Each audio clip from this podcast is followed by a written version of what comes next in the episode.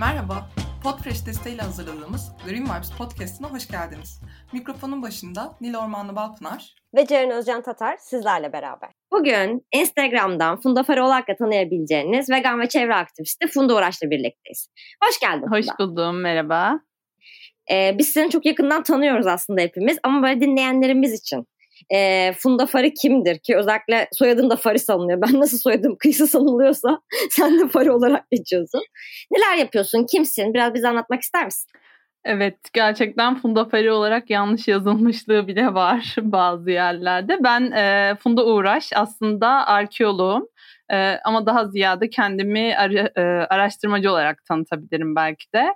E, yaptığım araştırmalar sonucu edindiğim bilgilerle e, böyle doğa, insanlar, insan dışı hayvanlar için daha yaşanabilir bir dünya adına neler yapabileceğimizi düşünüyorum ve bu yaşadığım farkındalıkları da diğer insanlara da anlatabilmek adına e, son 4-5 yıldır mesleğimi bırakarak artık tam zamanlı aktivizm yapmaya başladım. 2015 ee, yılından beri aslında ben e, vegan bir hayvan hakları savunucusuyum ve atıksız yaşamaya çalışıyorum bir taraftan da. Ee, yani işte bu sürdürülebilir bir gelecek için değişime önce kendinden başlayanlardan biriyim diyebilirim. Ee, şimdi çeşitli platformlarda e, işte insanlara farkındalık yaratmak ve hayvanlar dünya yararına adımlar atmaya çalışırken e, araştırmalarımı da ve işte çalışmalarımı da sosyal medya hesabımdan dijital içerikler olarak vegan gazetede ve diğer başka platformlarda köşe yazıları, makaleler olarak e, davet edildiğim çeşitli etkinliklerde de e, söyleşi olarak aktarıyorum. Genellikle çalışmalarımda e, doğa koruma mücadelesindeki insan merkezciliği, işte iklim krizi e, ve ekolojik yıkım kısmında görünmeyen insan dışındaki hayvanların yaşam hakkını, e, ekoloji ve hayvan hakları arasındaki ilişkiyi nasıl daha bütüncül bir şekilde anlayabileceğimizi, ele alabileceğimize odaklanıyorum.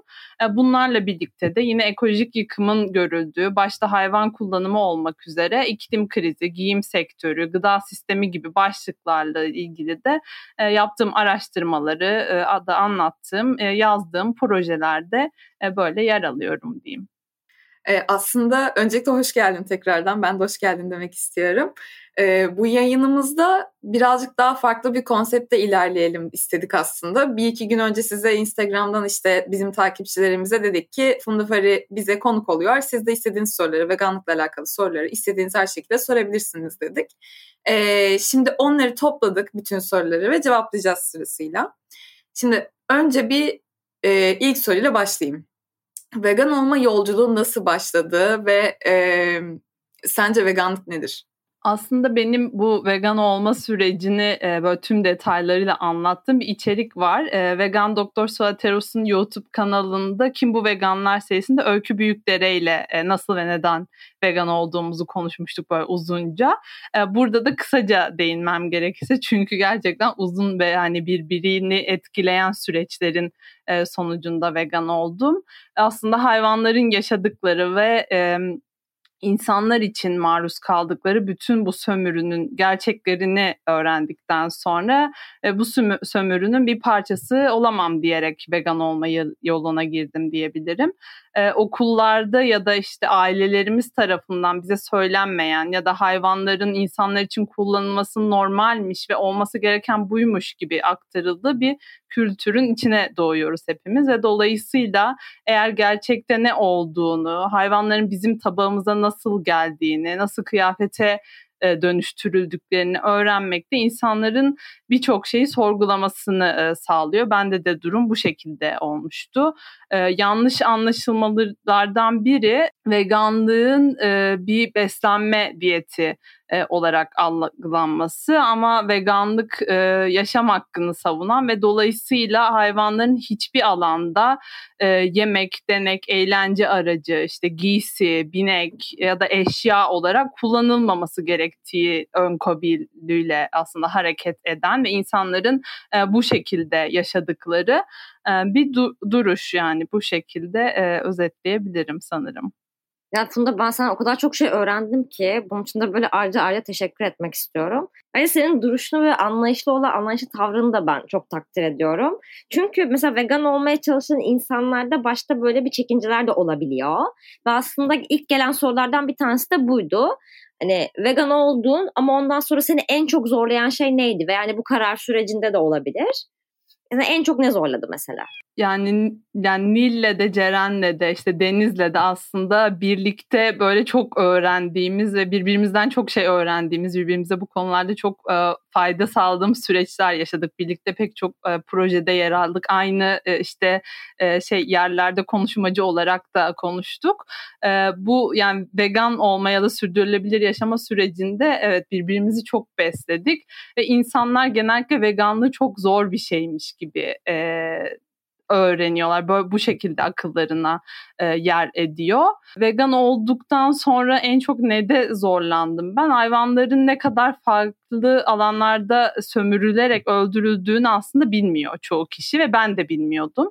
E, hala da öğreniyorum ve her her seferinde de şaşırma işte bu da mı bu konuda da mı hayvan sömürüsü varmış bunun içinde de mi hayvansal bir şey var ya da hayvanlar bunun içinde mi kullanılıyor deme maalesef ki devam ediyorum ben de herkes gibi ve araştırmaya devam ettikçe hem kendi sağlığım hem de dünya ve başta hayvanlar olmak üzere e, ne kadar farklı noktada pozitif etki yaratabileceğimin farkına varmış oldum. Ben ilk araştırmaya başladığımda e, bir belli bir süre içerisinde e, işte içinde kazein yani bağımlılık yapıcı bir madde olan kazeinden dolayı yoğurt yemeyi bırakmakta zorlanmıştım birçok kişi gibi. Ama e, yoğurt üretmek için ineğin ve bebeğinin yaşadıklarını öğrenince zaten yoğurt bir yiyecek olmaktan çıkıyor sizin için. Aklınıza gelen her şeyin de günümüzde ama yani her şeyin bitkilerden üretilen bir seçeneği var. E, ben ilk vegan olduğumda bu kadar vegan ürün ya da vegan marka veya vegan kafe yoktu. O yüzden çoğu şeyi evde kendim yapıyordum ve bu yeterli oluyordu. Ee, zaten e, yaşadığımız coğrafyada vegan yemek açısından çok zengin bir co- coğrafya. Yani genellikle insanlar yemek konusunda çok zorlanacaklarını düşünüyorlar. Ee, artık biz günümüzde kolaylıkla kozmetikten tutun da işte bitkisel deri ayakkabıya kadar ya da işte e, bütün aklınıza gelebilecek bütün hayvansalların vegan e, yiyecek olarak dönüştürülmesini de görebiliyoruz. Bu ürünlere kolaylıkla ulaşabiliyoruz. Bence insanlar açısından zor olan bir şey yok bu yüzden. Bir alışkanlığınızı başka bir alışkanlığına dönüştürüyorsunuz. O kadar asıl zor olan e, insan dışındaki hayvanların yaşadıkları. Yani her şey insan dışındaki hayvanlarla e, insanlar arasında koparılan bağı yeniden kurmaktan geçiyor ve hayvanları e, bir tüketim nesnesi konumundan çıkarıp artık hissedebilen, yaşama hakkı olan bireyler olarak gördüğünüzde ve bu şekilde yaşadığınızda da zaten vegan olmuş oluyorsunuz. Deniz aynı soruyu ben sana da sormak istiyorum. Çünkü mesela e, benim en zorlandığım şey hani somut örnek vermek gerekirse peyniri bırakmaktı yani. Ki ya çok uzun yıllardır ben et yemiyordum. Hatta bundan önceki podcastlerde de konuşmuştuk. Hatta böyle daha önce hani veganlıkla ilgili son çektiğimiz podcast'te ben tam vegan olduğumu zaten söylemiyordum hiçbir zaman. Çünkü peynirle ilgili ciddi problemim vardı. Sonra Haziran ayında işte çevre festivalinde hatta sizin standınızda yani İsnas'la tanıştım ve hayatım değişti. Artık hani gönül rahatlığıyla evet ben veganım diye söyleyebiliyorum. Hatta sonra vegan festivalinde biri şey e, fotoğrafıma yorum yapmıştı hani en son dediğimiz podcast hani vegan hani bitki, temelli besleniyorum demiştiniz hani yerimi geçtiniz falan diye. Mesela benim cidden zorlandığım en zor olan peynir oldu ama mesela ilk baş şey gibi düşünüyordum yani ben peyniri bırakamam abiye geliyordum bazen ama çok azaltmıştım yani inanılmaz azaltmıştım. Abi sonra ama bir şey düşünüyorum. Hani bir gün bunun benim için bir zamanı gelecek yani. Hani bunu biliyordum. Mesela kahvaltıya çekmiştim. Hani zevk tüketimi gibi şey yapıp sadece kahvaltıya çekmiştim mesela. Ve sonra mesela şey oldu. Hani isnat oldu. Hani her zaman da öyle hani gidip de vegan peynir almıyorum bu arada. O kadar doğal oldu ki sanki ben uzun zamandır peynir yemiyormuşum gibi. Yani birden biri çıkıverdi hayatımdan. Ama onun hani muadili illa şey muadili değil bence. Hani de vegan bir şey, na vegan sucuk, vegan sucuk, na vegan peynir, işte vegan peynir gibi değil de böyle mesela şey öğrendim. Peynirsiz kahvaltı etmeyi öğrendim. Aslında basit bir şey, zor bir şey değil ama hani Üç çeşit istiyorsan ne bileyim işte abi şey bile basit bir örnek bence. Bence bunlar böyle çok hayat kurtarıyordu o yüzden ben. Benim için öyle olduğu yüzden anlatıyorum. Ne işte zeytin ezmesidir, kahvaltıda humustur, kırmızı biber közlemedir, iyi bir güzel zeytindir, ızgara zeytindir. Hani böyle minik minik detaylar bence bir şeysiz bilmem ne yapmayı daha kolaylaştırıyor diye düşünüyorum. Benim beni en çok zorlandığım buydu. Deniz senin neydi? Ya da var mıydı? Belki de yoktu yani. Ee, ya beni en çok zorlayan şey ben kefir çok içiyordum. Kefire inanılmaz bir düşkünlüğüm vardı ve hani e, onun dışındaki herhangi bir hayvansal gıdaya karşı zaten hani çok kolay bir şekilde bırakabilmiştim ama kefir hani böyle benim için bir çizgiydi yani. Ama sonra şey oldu. Gerçekten mesela Funda'nın dediği şeye çok katılıyorum ve çok güzel açıkladı bence. Belli bir noktadan sonra öğrendiğiniz şeyler, şeyleri gördükten sonra oradaki o zulmü ve sömürüyü gördükten sonra o şey artık bir beslenme ürünü işte bir besin şeyinden çıkıyor. O kategoriden çıkıyor zaten. O tamamen o sömürüden çıkan bir e, materyal olarak görmeye başlıyorsun onu. E, o yüzden beni hani böyle en çok o zorladı ama sonradan mesela yani düşünüyorum gerçekten bir anda benim için de bitmişti böyle. E, ve sonradan da aslında şey yani insanlar sürekli şey diyor ben olamam ben yapamam falan ama gerçekten dünyanın en güzel ve en rahat şeyi insana en rahat hissettiren ve benim hani hayatımda çok emin olmadığım şey var ama veganlığımdan çok eminim diyebileceğim bir şey yani. Ee, o yüzden böyle söyleyebilirim galiba. Böyle noktayı koyabilirim buna. Aklıma bir de şey geldi. Sorularda şey gelir mi diye düşündüm. Ya da hani soruluyor mu, geliyor mu size de? İşte hiç kaçamak yapıyor musun falan. Sonra kerken şunu düşündüm. Ha bu şey değil ki şeker hastası olursun arada kaçamak yaparsın. Diyettesindir kaçamak yaparsın ama hani bu böyle yaşam tarzı ya hani bunun kaçamak yapılacak bir ucu yok. Böyle bir soru gelmedi ama ben gelir mi diye düşünmüştüm aslında. Ya da böyle bileyim ki yani arada böyle veganlara geliyor mu diye aslında düşünmüştüm. Sonra üstüne bunu düşündüm. Tam tam da senin dediğinin üstüne yani aslında hani bu bir şey değil diyet değil ki bozasın yani hani ya da başka bir şey değil ki arada hani ne bileyim derler işte bir hani bilmem neyken hadi işte ay Hawaii Meteor Mother'daki sahnelerin hamile bunu da söyleyeceğim şimdi just a little bit diyen doktoru gibi yani hani başka şeyler de okey ama hani veganlık bir yaşam tarzı olduğu için aslında hani bunda kaçamak diye bir şey yok yani aslında.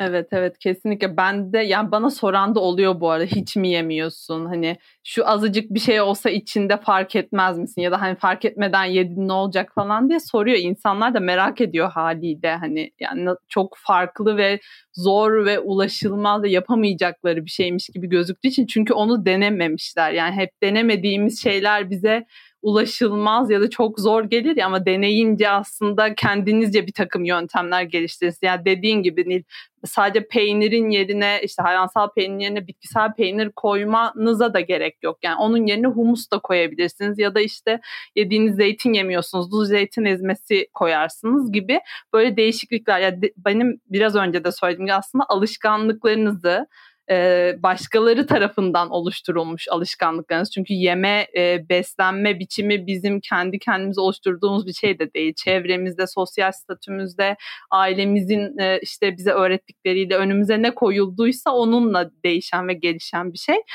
Dolayısıyla o alışkanlıkları yeni alışkanlıklarla sadece böyle swap yani yerini değiştiriyorsunuz. O kadar.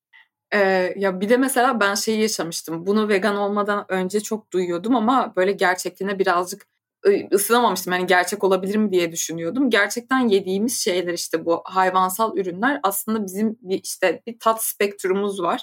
Ve o tat spektrumun içinde bir sürü şeyi aslında e, hissetmememizi sağlıyor gibi böyle hani basitçe anlatmaya çalışacağım şu anda. Çok da bilgili olduğum bir alan değil. O yüzden hani aslında çok basit bir şekilde biliyorum ben de. Ama e, hayvansal ürün tüketmeyi bıraktığında vegan beslenmeye geçtiğin zaman zaten şeyi fark ediyorsun. Yediğin her şey gerçekten çok daha güzel geliyor ve e, bitkisel olarak tükettiğin şeylerden bir sürü şey yapabiliyorsun ya böyle inanılmaz bir çeşitlilik kazanıyor mutfağın ve ben mesela dünyanın en üşengeç veganıyım. Ben yemek yapmaya başladım falan hani böyle. O, o şekilde. Ya bende de şey olmuştu mesela ben aslında vegan olmadan önce ağırlıklı olarak gerçekten maalesef hayvansallar üzerinden daha çok besleniyordum ve e, bitkisel şey mesela salata hala sevmem ben ve salata falan yani hiç yemezdim ya da işte böyle fasulyeydi e, bakliyatlardı falan çok yemezdim E, ama vegan olduktan sonra bir bakliyattan sadece işte atıyorum fasulye, fasulye yemeği olmuyor yani. O fasulyeden siz sucuk da üretebiliyorsunuz. İşte başka şeyler humus yapabiliyorsunuz. Farklı farklı birçok şey üretebiliyorsunuz. Dolayısıyla Deniz'in dediği çok doğru yani. Aslında hayvansalları çıkardığınızda önünüzü uçsuz bucaksız bir bitkisel e, mutfak zenginliği çıkıyor ve hani arasına hani yani ben atıyorum fasulye sevmem. Yani sadece fasulye yemek zorunda değilsiniz zaten. Fasulyenin dışında birçok bakliyat var. Mutlaka seveceğiniz bir şey vardır. Bir de olay zaten ben hep bunu söylüyorum ve vegan olduktan sonra fark ettiğim şeydi bu bak yani bakliyat değil de baharatlar aslında. Baharatları nasıl kullanırsanız, nasıl damak tadınıza uygun şekilde oranlarsanız aslında yemekler o şekilde e, güzelleşiyor. Damak tadınıza uygun bir şekilde o şekilde aslında üretebiliyorsunuz. O yüzden e, bence herkes bir an önce vegan olup bu zenginliğin e, tadına varmaya başlamalı. aslında az önce de birazcık bahsettik işte bu hani et yemek e, bazı insanlar çok böyle argüman getiriyorlar. Aynı argümanı çok fazla duyuyorum da tamam hadi et yemiyoruz ama neden süt ürünü tüketmiyorsunuz işte neden bal tüketmiyorsunuz gibi sorular. Ee, şimdi birazcık da oradan e, çevireceğim aslında konuyu. Bir gelen sorulardan bir tanesi de şuydu. Vejetaryenlikten veganlığa geçiş zor mu diye bir soru gelmişti bize. Onun hakkında konuşabiliriz. Yani vejetaryenlikten bence veganlığa geçiş e, zor değil. Veganlığı e, ve vejetaryenlığı daha doğrusu bir geçiş aşaması olarak görüyoruz ama veganlıktan daha çok e, hayvansal tüketimine daha yakın bir şey vejetaryenlik. E, çünkü aslında hayvansal eti, et ürünlerini ya da bıraktığınızda hayvanların bedenini tüketmeyi bıraktığınızda diğer hayvansal ürünleri onun yerine koyarak o açığı bu şekilde kapatmaya çalışıyoruz. Yani daha fazla e, işte hayvansal süt ürünleri tüketebiliyor insanlar. Böyle olduğunda hem sağlık açısından e, kendilerini çünkü işte onun içerisindeki kazein ya da kolesterol ürünleri gibi işte yumurtayı mesela arttırıyor insanlar e, et yemeyi bıraktıklarında falan. O yüzden e, daha çok yani dediğim gibi veganlıktan çok hayvansal tüketime, hepçiliğe daha yakın görüyorum ben. Burada bir noktada hayvanlar tarafından baktığımızda aslında hayvanlar için vejeteryanlık bir çözüm değil. Çünkü o süt endüstrisinde kullanılan hayvanlar aslında sonrasında et endüstrisindeki kullanılacak metalara dönüştürülüyor. Ee, yani sütü e, sömürülen e, işte hayvanın e, bedeni kullanım sürecini bitirdiğinde yani artık o süt üretemeyecek duruma geldiğinde e, diğer taraftan e, et endüstrisinde ete dönüşerek bu sefer tabaklarımıza e, gelmiş oluyor. Bir diğer noktada mesela bal kullanımı. Yani aslında bunların hepsinde hayvanların hala biraz birer tüketim nesnesi olarak kullanılacak insanlar için kullanılacak metalar olarak e, aklımızda kaldığını, o insan merkezci düşünmeyi, e, bizim için varlar ya da işte hayvanlar e, işte e, daha iyi e, kullanıldıklarında, daha iyi ortamlar sağlandırdıklarında, e, işte ortamlarda bulunduklarında onlar sömürebilir diye düşünüyoruz ama aslında orada hayvanların yaşamak isteyen, sömürülmeme hakkı olan, hissedebilen, duyarlı canlılar olan ve işte etrafındaki diğer hayvanlarla ilişki içerisinde olan bireyler olarak görmemiş oluyoruz. Mesela bal konusunda da bir çay kaşığı bal üretmek için 12 iş işçi arının hayatları boyunca çalışması gereken bir süreçte olmaları gerekiyor. Ya da e, bal işte neden e, sorun ki o e, işte hayvan sonuçta onu yapmış ve hani biz de yiyebiliriz doğada oluyor o şekilde diye düşünüyoruz ama e, bal da bir sektör ve e, bal üretmek için her ne kadar köyde de üretilse işte e, çeşitli endüstrilerde de üretilse o hayvanlar insanların tüketeceği nesneler e, olarak ürettikleri balların satışının yapıldığı, insanlar için üretim yapmaya zorlandıkları bir süreç yaşıyorlar ve kendilerinin kışlık erzakları olarak ürettikleri balı insanlara tamamen e, bırakmış ve onların kullanımına sunmuş oluyorsunuz. E, ve arıların genellikle bu balı yapmak için e, yani kullanmaları ve üretmelerinin nedeni dediğim gibi kışlık erzak olarak aslında üretiyorlar ve tamamıyla kendileri için e, ürettikleri bir süreç. E, bu kovanlarda genellikle bir işçi arılar oluyor. Bir de kraliçe arı oluyor. Kraliçe arı koloniyi tutabilmeleri için aynı kovanda tutup sürekli o işçileri üretebilmeleri için kovanda bulunması gerekiyor o işçileri e, sürekli üretime sağlaması için. Bu işçi arıları tutması için kraliçe arının genellikle kanatları kesiliyor mesela ki o e, arı kraliçe arı uçarak kovandan e, dışarıya uzaklaşmasın. İşçi arılar da çünkü onu takip ederek kovanı terk edebilirler diye böyle bir sömürü sisteminden bahsediyoruz arıcılıkta da. Yani bal arıların kendileri kendileri için ürettikleri bir besin arılar ya da işte inekler veya tavuklar bizim için yoklar. Onların hepsi hisseden, e, duyguları olan, e, e, acıyı hisseden, doğada bizim gibi var olan e, insan dışındaki hayvanlar aslında. Yani biz de hayvanız ve bütün canlıların, bütün bireylerin, e, bütün bireyler olarak yani hayvanların aslında yaşama hakkını e, saygı duymamız gerekiyor. E, arıcılıkta da işte e, süt endüstrisinde de hayvan hayvanlar köleler olarak çalıştırılıyorlar. Emekleri, bal konusunda mesela arıların emekleri sömürülüyor. Ee, yine e, hayvancılıkta e, işte e, tavuk endüstrisinde ya da e, süt endüstrisinde hayvanlar tamamen insanlar için, insanlar tarafından sömürüye, işkenceye maruz e, bırakılıyorlar maalesef. Şimdi aslında insan dışı hayvanlardan bahsettim. Buradan da biraz bitkilere bağlayacağım. Çünkü hani öyle bir soru geldi. Aslında herkese genel olarak gelen bir soruydu ama tamamını okumak istiyorum. E, hayvanlar için empati duyup onları öldürmeme hissine sahipsek bitkileri farklı kılan nedir?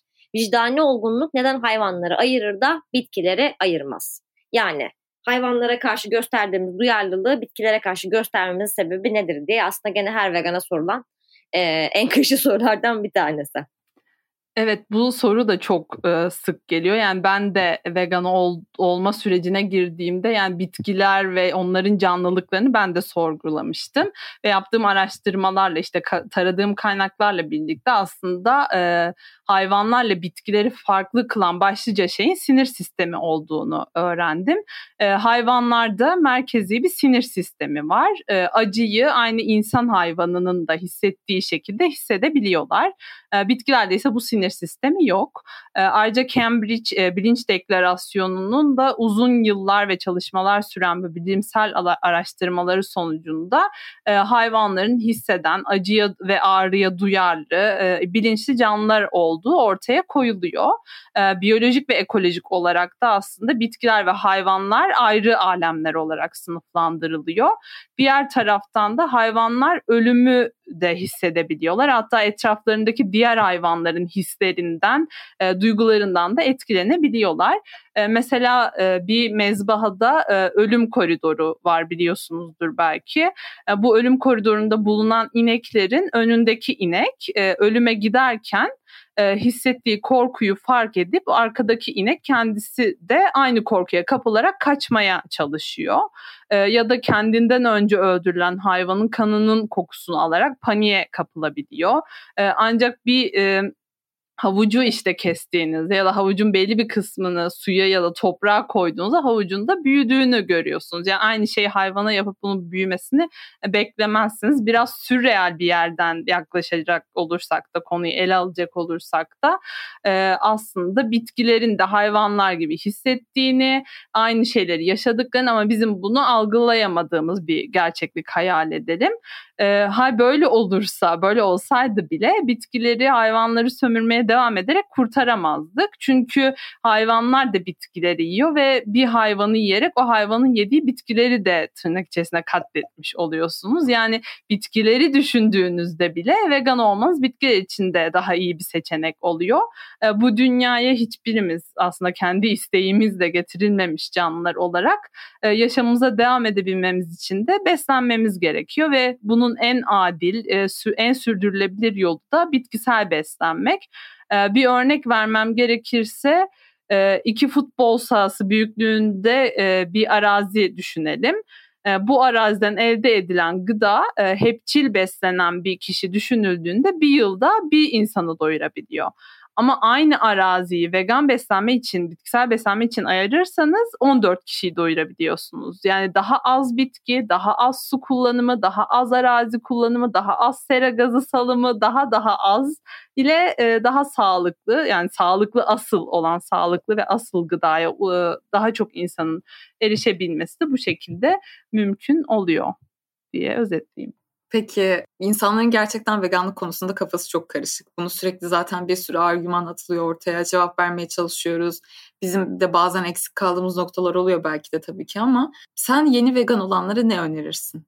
Yani yeni vegan olanlara e, muhtemelen büyük olasılıkla hayvanlar için vegan olmuşlardır ya da kendi sağlıkları için olmuşlar. Yani bu neden vegan olduğumuzu bence kendimize hatırlatmak ve bu hatırlatmayı yaparken de sürekli kendimizi e, bazı konularda geliştirmemiz gerekiyor bence. Yani Deniz sen de söyledin. Evet hepim yani sürekli farklı şeyler yaşanıyor. Sürekli zaten bilimle de iç içe bir konu. Bu e, konularda mesela sağlık alanında daha yeni yeni söylenmeye başlayan bazı doktorların söylemeye hala çekindiği ya da iklim krizi alanında hayvancılığın etkilerinin böyle e, çok e, kolay bir şekilde dillendirilemediği bir dönemdeyiz e, ve ben geleceğin vegan olması gerektiğini, vegan olacağını umut eden e, kesimden bir insan olarak e, bu yaşanan bütün e, şeylerin daha e, iyileşmesi, dünyanın, insan sağlığının, hayvanların yaşam koşullarının, e, hayvanların yaşama hakkı olan bireyler olarak görülmesinin aslında önünün açılması için e, vegan olan insanlara e, sürekli kendilerini bilgiye açık olarak sürekli e, öğrenerek e, diğer insanları bu konularda yaşadıkları farkındalıkları anlatarak yani vegan aktivizm yaparak aslında devam etmelerini önerebilirim.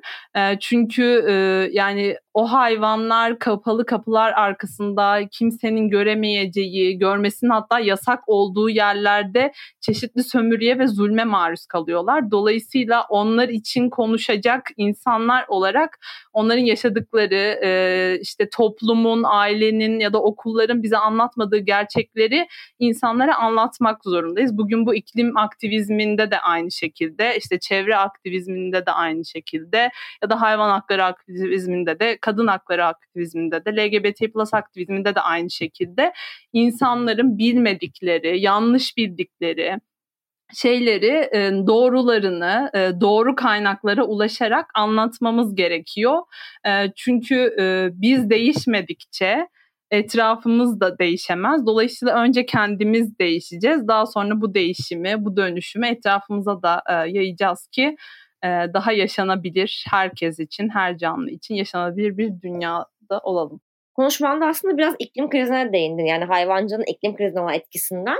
Şimdi genellikle e, çok kaynakta hatta önemli kaynaklarda bile hani iklim krizinin nedenleri dediğin zaman tamam fosil yakıt diyor okey. Ormansızlaşma diyor işte tarım diyor vesaire ama direkt olarak e, endüstriyel hayvancılıktan ve hayvancılıktan bahsedilmiyor aslında ormansızlaşma dediğimiz şeyin bir kısmı zaten oradan geliyor. Tarım dediğimiz şeyin bir kısmı yine oradan geliyor.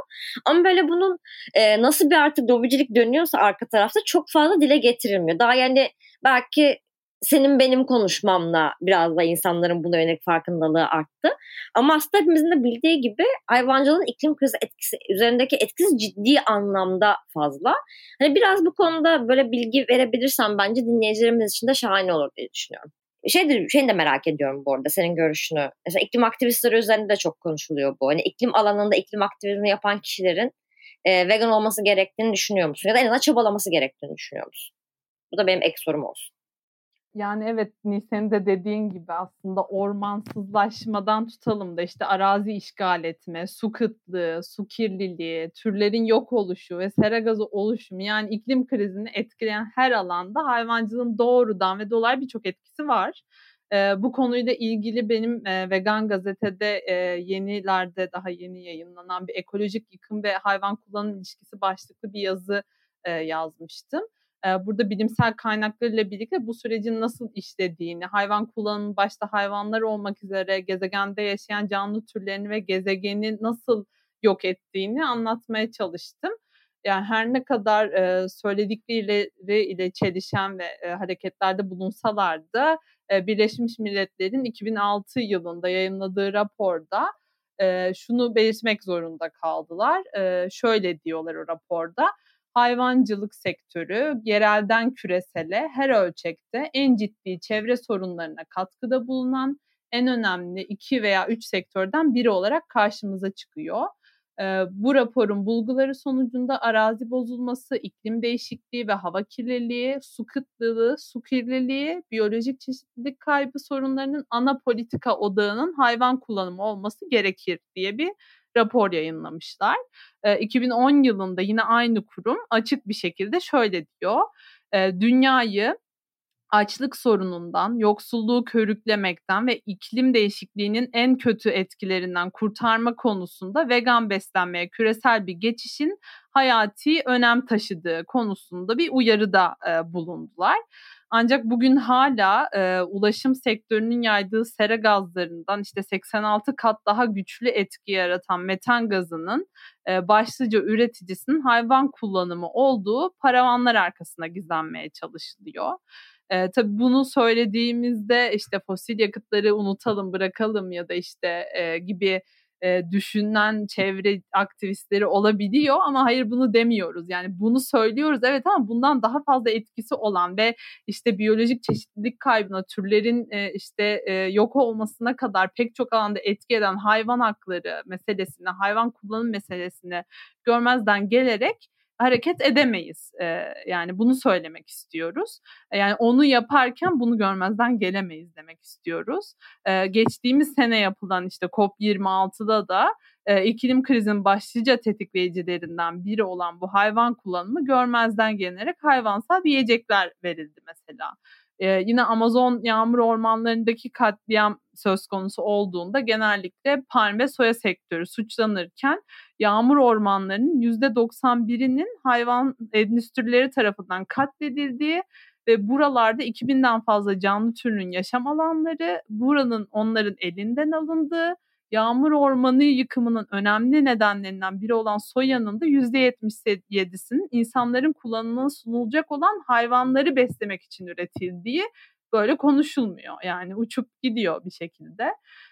Bir diğer nokta yine sera gazları özelinde Oxford Üniversitesi'nde yapılan bir gaz, sera gazı emisyonlar araştırması var. Burada da fosil yakıt kullanımının derhal sonlandırılması halinde bile hayvan kullanımının ürettiği emisyonların tek başına ısınmayı bir buçuk santigrat derecede tutamayacağı hatta ısınmanın bu koşullar altında bile iki dereceyi çok rahat görebileceği sonucuna ulaşıldı. Ee, burada sadece birkaç rapordan ya da birkaç çalışmadan bahsettim ama dediğim e, benim yazdığım işte e, yazıdaki veya kendi Instagram hesabımdaki kaynaklara paylaştığım şeylere de bakarsanız pek çok bunu destekleyen veriye ulaşıldığını, pek çok bilimsel çalışmanın yapıldığını yine görebilirsiniz. Ben Instagram hesabımda işte hayvan kullanımının eko yıkım etkisi başlıklı bir gönderi serisi hazırlamıştım. Dileyenler yine o gönderiye giderek bu hayvansalların su kullanımından çevre kirliliğine kadar etki ettiği olumsuz gerçeklerle yüzleşebilirler her zaman söylediğim şeyi tekrar söyleyecek olursam da vegan yaşam insanı doğanın hakimi değil, onun bir parçası olarak görmeye yardımcı olur ve insan dışındaki hayvanları sömürmeye devam etmenin sürdürülebilir ya da ekolojik bir tarafı da yoktur. çünkü bugün bizler birkaç yıldır iklim krizinden ya da çevre sorunlardan bahsedip harekete geçmeye çalışıyor olabiliriz. E, ama e, doğada hayvanlar, insan dışındaki hayvanlar bizden çok daha uzun süredir iklim krizi ve çevre sorunlarının etkileriyle baş etmek zorundaydı. Ben hatırlıyorum ilkokuldayken işte e, ortaokuldayken buzullar eriyor denildiğinde e, kutuplarda olan şeyden bana ne ki diyen pek çok insan vardı ya da kutuplarda yaşam mücadelesi veren kutup ayıları ya da penguenler kimsenin umurunda değildi. Ya da medyada e, yine yakın tarihlerde de ne yazık ki yaşanan e, çıkan orman yangınlarından bahsedilirken can kaybı yoktur şeklin, şeklinde e, haberler yapılıyor ve ormanlarda yaşayan, ormanlar e, yaşam alanı olan canlıların, canlı binlerce canlı türünün ne yazık ki e, neler yaşadığını e, önemsemiyoruz ya da duymuyoruz veya anlatılmıyor. Mesela şey de var bu e, FAO'la World Watch Institute'un raporları arasında ciddi farklar da var mesela. Bir tanesi %51'e yakın bir oran sunuyor. Diğeri de yanlış hatırlamıyorsam 14,5 gibi bir oran sunuyor. Çünkü bir tanesi yani e, FAO çok kapsamlı bir e, ele alışta bulunmuyor aslında. Sadece böyle hayvan galiba hani ormanların işte e, otlak alanlar için açılmasından kaynaklanan salım miktarlarını dahil ediyor. Ama World Watch Institute'un raporuna baktığında ise onları dahil ediyor. Hayvanların sebep olduğu metan gazı salımlarını dahil ediyor. Bir de Şimdi ormanların önemini aslında şurada hani orman kesiliyor da ne oluyor belki bir tık konuşabiliriz burada. E şimdi ormanlar çok ciddi yutak alanları hani e, atmosfere salınmaması gereken gazları aslında ormanlar büyütek alanı oldukları için çok güzel e, bir şekilde aslında tutuyorlar. Ama biz, biz bu ormanları kestiğimizde veya yaktığımızda veya yandığında hani yanma sebeple ayrıca bir e, salım meydana geliyor. Ama bunun dışında da ne tutulamayacak olan karbondioksit oranını da hesaplamak gerekiyor. Bunların hepsini hesapladığımızda da aslında %51'lik gibi çok ciddi bir oran çıkıyor yani hani bir yanda hani 14,5 denen bazı raporlar var. Hatta ben yanılmıyorsam 60-70 gören raporlar da vardı. Yüz, Belki Funda sen daha iyi bilirsin şey, de. %87 Climate Healers'ın 2020 e, yanlış hatırlamıyorsam 20 raporuydu. E, Climate Healers raporunda %87'den bahsediliyor. Yani hayvan kullanımını sadece yine beslenme üzerinden ele alamayız. Dediğim gibi yani hayvanlar kozmetikten tutalım işte giyim sektörüne kadar pek çok alanda aslında sömürüye maruz kalıyor. Yani hayvancılık dediğimiz şey sadece beslenme üzerinden ele alınmaması gereken bir şey. Çünkü bu mesela hayvansal deri işlemede çok ciddi oranda kimyasallar kullanılıyor. Bu kimyasallar insanlarda kanser, kısırlık, işte e, beyin gelişimi çocuklarda engelleme ki hayvansal deri işlemede çok fazla e, şey göçmen işçi ve çocuk işçi de çalıştırılıyor mesela. Yani hayvancılık dediğim gibi yapabileceğimizin en asgari yani vegan yaşam en asgari şey olsa da aslında hayvancılığın e, ele aldığı böyle olumsuz sonuçlar doğurduğu bütün her şeyi göz önüne aldığımızda çok ciddi bir oranda pozitif etki yaratmış oluyorsunuz. Dolayısıyla sadece beslenme üzerinden bunu değerlendiremeyiz. E, hayvanların kullanıldığı bütün alanlarda yol açan mesela işte arıcılıkta e, şu anda ormansızlaşmayı bir sorun olarak söyledik. E, bu ormansızlaşma sebebiyle mesela insanların yemesi için tutulan, e, otlatılan hayvanların e, bulunması gereken alanlar açılması için yaşanan ormansızlaşmada bu arıların e, doğada işte e, bulundukları, polen topladıkları aslında çiçekleri de bir noktada e, yok etmiş oluyoruz. Ya da işte e, yine ormansızlaşmada e, o bölgede mesela Amazonlarda yaşayan pek çok primat türünün de yaşamına son vermiş oluyoruz. Yani ekolojiden bahsettiğimizde birbirini destekleyen bir sistemden, birbiriyle sürekli ilişki içerisinde olan bir sistemden bahsediyoruz. İçerisinden bir şeyi çıkarıp aldığınızda böyle domino etkisiyle diğer alanları da çok fazla etkilediği, olumsuz sonuç doğuran bir düzenden bahsediyoruz. Hayvancılıkta bunun büyük bir e, olumsuz etkisi arasında sayılabilir tabii. Gerçekten az önce yani çok güzel anlattın, çok güzel açıkladın. Ee, az önce bir cümle söylemiştin. Zaten hani e, ekoloji aktivisti olan işte farklı alanlarda aktivizme uğraşan insanlar da zaten yani bilmiyorum ben mesela hani ekoloji aktivisti olan birisinden zaten vegan olmasını beklerim. Hani böyle bir e, taraftan belki çok radikal şey bir şey söyledim şu anda ama ben bunu bekliyorum ve e, veganlığın her veganlığın zaten bir insanın seçimine bırakıldığını düşünmüyorum. Ben veganlığın zaten se- bir seçim olarak görülmesi gerektiğini düşünmüyorum. Yani o zaten gelecek gerçekten e, vegan ve biz bunu seçmeyeceğiz ve gerçekten olması gereken şeyi gerçekleştireceğiz gibi düşünüyorum. E, dediğim gibi mesela işte bir ekoloji aktivistinden vegan olmasını beklerim. Aynı şekilde feminist bir e, kadından ya da feminist bir kadın artıdan bir bireyden aynı şekilde vegan olmasını beklerim ve gerçekten bunlar birbirlerine çok bağlantılı şeyler yani. E, bunu söylemek istedim. Bizi bıraksanız şu an galiba sabaha kadar konuşacağız çünkü konularda böyle daha alevli yerlere gitmeye başladı. Ama hani e, sorulan sorulara cevaplamış olmak adına hem de biraz böyle ortamı yumuşatmak adına son sorumu soruyorum. Bunda bize güzel vegan mekan öneriler önersen İstanbul, Ankara. Senin, böyle, senin de böyle bir serin vardı diye hatırlıyorum yanılmıyorsam. Ben e, şey Eskişehir'de yapmıştım yine vegan gazetede köşe yazısı olarak yayınlamıştım. Bir de hep gittiğim yerler ben böyle biraz şu an göçebe hayatı yaşadığım için gittiğim farklı şehirlerde e, keşfettiğim hem vegan seçenekli ya da tamamen vegan olan mekanları hani insanlar da böyle hani oralardan şey yapsın vegan olmayanlar vegan olmaya belki vesile olur diye paylaşıyorum. Ankara'da mesela şu anda ben Ankara'da yaşıyorum. Junk Vegan var. Orada böyle güzel fast food ürünler gerçekten lezzetli ve ben oradan genellikle yiyorum. Gabo Kitchen var veya işte Tünel Vegan var. Tünel Vegan Pub var Kızılay'da.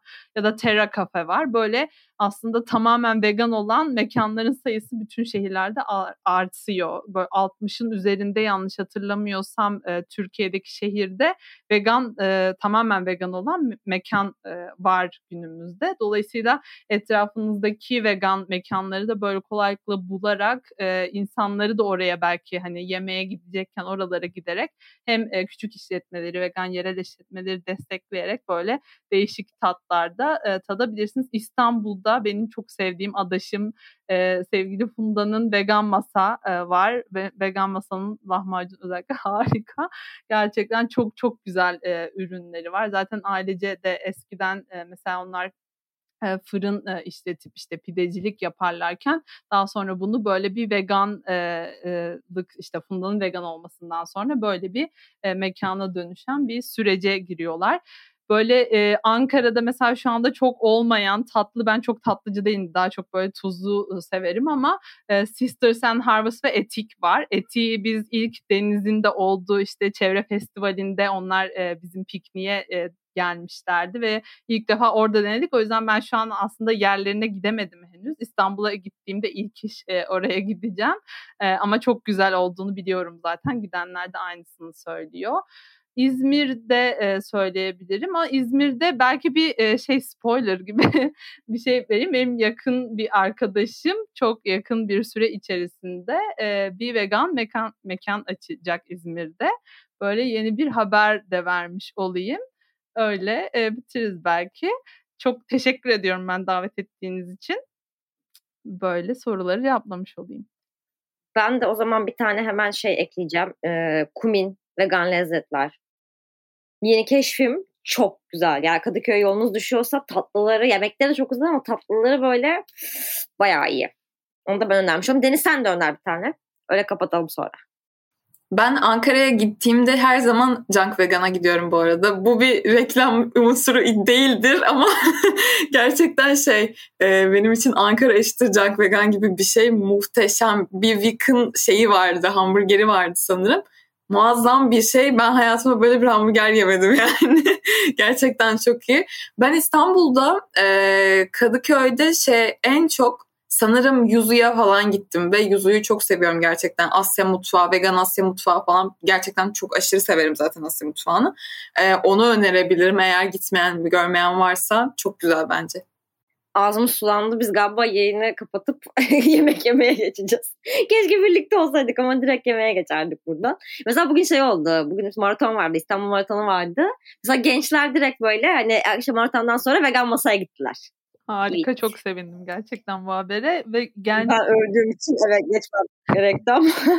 Ya genç vegan aktivistler arasında gerçekten iklim aktivistleri arasında vegan sayısı artıyor ve bu beni aşırı aşırı umutlandıran bir şey. Yani biz de çok fazla konuşuyoruz iklim aktivistleriyle böyle temasta olduğumuzda.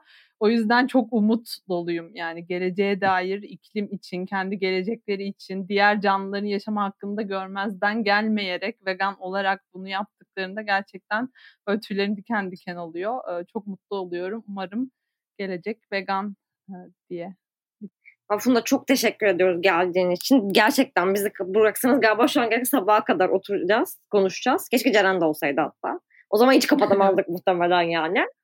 Yani çok güzel bir yayını tekrar teşekkür ediyoruz. Eğer bize Funda'ya sorularınız varsa zaten Funda'nın yani yanlışlıkla zaman Funda Fari olarak bilindiğinden de bahsettik. Ama hesabını da böyle açıklama kutucuğuna koyuyor oluruz. Çok teşekkür ediyoruz. Bize her zaman ulaşabilirsiniz dediğimiz gibi. Doğa dostunuz Green Vibes'ınız bol olsun. Görüşmek üzere.